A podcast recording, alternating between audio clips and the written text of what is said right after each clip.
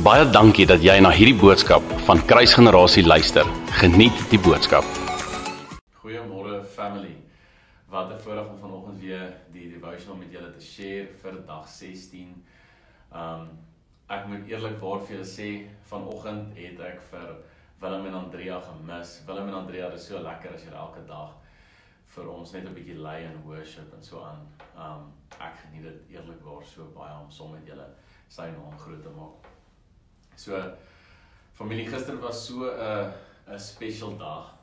Um ek het dit so baie geniet. Ons het so baie saam met die saam met die gesin saam met skoonpaal en almal um gereed gemaak in die sitkamer. Ons het ge-Facebook live op die TV en ons het ons ons um brood en ons druiwesap en alles reg gehad.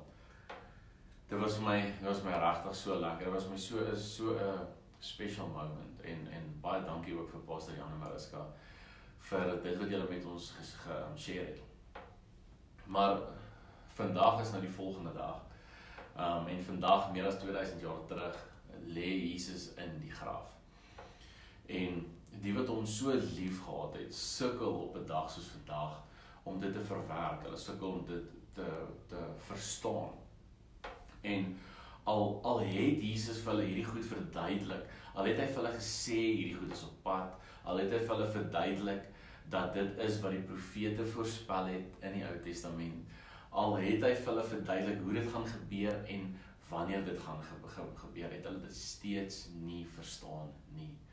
Um hulle het vir een of ander rede gedink dat Jesus sou sou regeer, dat sy koninkryk kry onmiddellik sou sou wees. Ons sien selfs hoe Petrus Jesus wil weghou van die kruis af. In Matteus 16 vers 21 en 22 lees ons die die volgende. Van toe af het Jesus begin om sy disippels te toon dat hy na Jerusalem moes gaan en veel van die ouderlinge en owerpriesters en skrifgeleerdes moes lei en en en skus en gedood op die derde dag op skus en gedood en op die derde dag opgewek word. Toe neem Petrus hom op op sy en begin hom bestraf en sê mag God dit verhoed. Here dat Here dit dit sal u nooit oorkom nie. En daaruit kan ons duidelik sien dat dat Petrus nie regtig vers, verstaan het wat is op pad en wat gaan hierso aan nie. Ons ons sien ook dat Jesus van sy kruisiging en sy opstanding gepraat dat die fariseërs en die disippels nie verstaan nie. Hulle hulle weet nie wat Jesus hiermee bedoel nie. Ons sien dit in Johannes 2 vers 19 tot 22.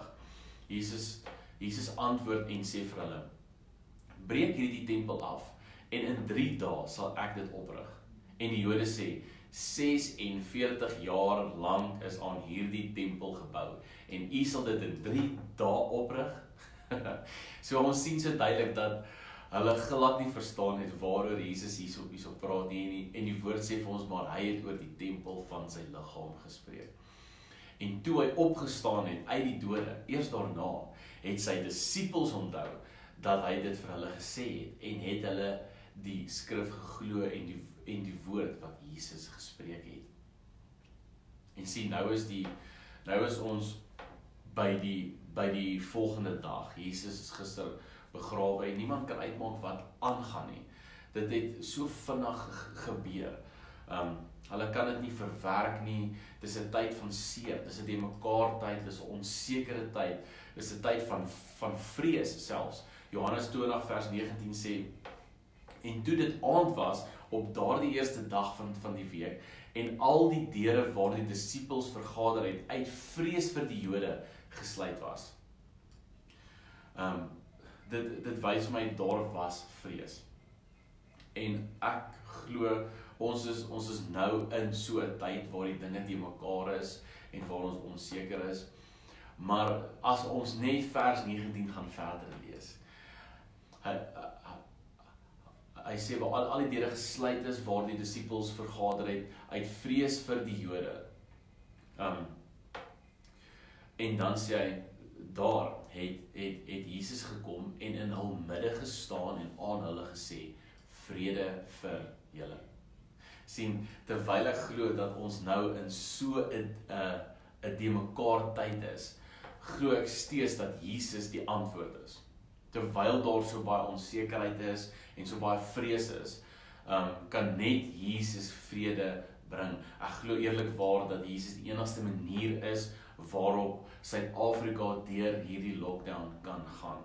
Jesus het gekom en hy het in hulle midde gestaan, met ander woorde by hulle en hy het vir hulle gesê vrede vir julle. En familie, hierdie is hierdie is wie Jesus is.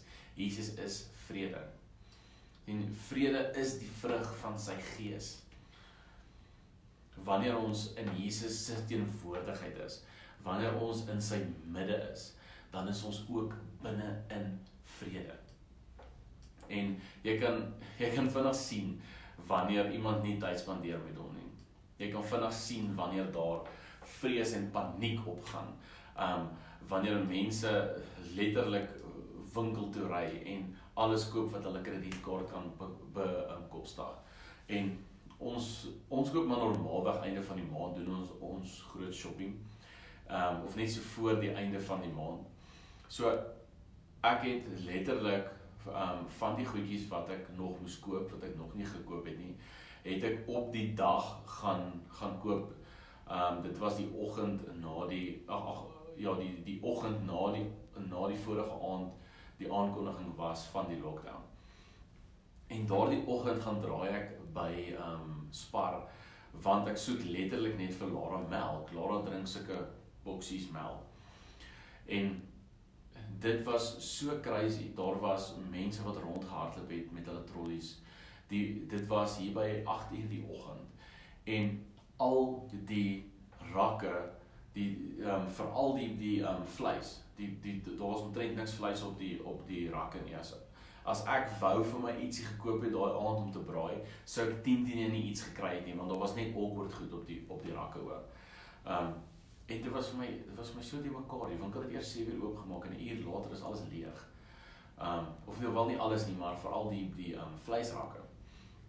En dit is dit is een ding family om deur so 'n situasie in wysheid op te tree en binne in hierdie omstandighede um planne te maak, die regte besluite te neem vir hierdie tyd. Dit is goed.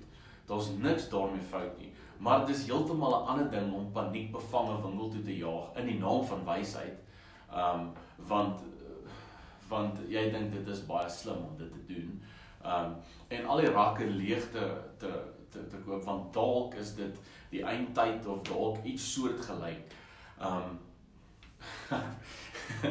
ek wil net sê nou as dit die eindtyd was, um sou dit my in elk geval nie gehelp het dat ek 'n vrieskas vol vleis gehad het nie want ek sou net nie gewees het om dit te eet nie.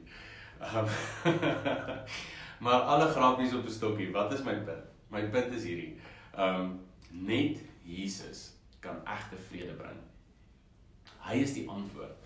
Hy is die antwoord op alles, op alles wat ons deurgaan, alles waarmee ons besig is. En alhoewel hy vandag 2000 jaar terug in die graf lê en almal onseker was waar hy is. Um weet ons dat hy weer opgestaan het. Ons ons weet dat dit nie die einde van die storie was nie. Die storie het nie daar opgehou nie, maar hy het weer op opgestaan en daarom wil ek sê alhoewel ons vandag in moeilike dae is, kan ons weet dat hierdie sal oor oor oorwaai en dat ons alles hier hierna sal verstaan. Ons sal verstaan wat dit alles beteken. Die disippels het verstaan wat dit beteken na die tyd. Familie hy het vir ons gesterf op die kruis uit liefde. Dit is die rede dat hy vir ons gesterf het, is liefde. Alles draai om liefde. En ek wil vir jou vra vanoggend, kan jy iemand lief hê? Kan jy iemand lief hê sonder om hulle ooit te ontmoet en sonder om saam met hulle te kuier, sonder om saam met hulle tyd te spandeer. Nee. Dis die antwoord, nee, 'n mens kan nie. So ek wil julle uitnooi om hierdie tyd te gebruik om net so lekker saam met hierdie Jesus te kuier wat vir ons gesterf het aan die kruis uit liefde uit. Uit liefde uit. Kom ons kom ons toon ons liefde aan hom ook. Kom ons spandeer tyd aan hom. Ek maak tyd vir die wat ek liefhet. Kom ons sluit ons oop. Here, wat 'n voorreg vanoggend net om U te kan lief hê. Here, wat 'n voorreg dat ons saam met U kan tyd spandeer. Dat ons in U teenwoordigheid kan instap. Here, dat ons U kan leer ken. Dat ons U al hoe meer en al hoe meer kan lief hê, kan leer lief hê, Here. Net net U ken vir wie is. Here, dat ons U hart kan beter leer ken. En Here, ek kom bid dat in hierdie tyd van onsekerheid Here dat ons net so ons oë gefokus sal hou op U. Dat ons so lekker saam met U sal kuier. U so sal ken, Here, dat dit wat hier gebeur, al hierdie onsekerheid, al die vrees, Here, dat dit weggegooi sal word. Dat dit nie vir ons saak maak nie, want ons ken iemand groter as dit. Ons ken iemand wat ons vriend is, wat ons Here is, wat ons Vader is, wat 'n goeie Vader is daarbo by maar Here wat ons vriend is. En Here, ons dankie vir dit vandag. Ons dankie in naam van Jesus. Amen. Baie dankie dat jy na hierdie podcast geluister het. Indien jy die boodskap geniet het, deel hom asseblief met jou vriende.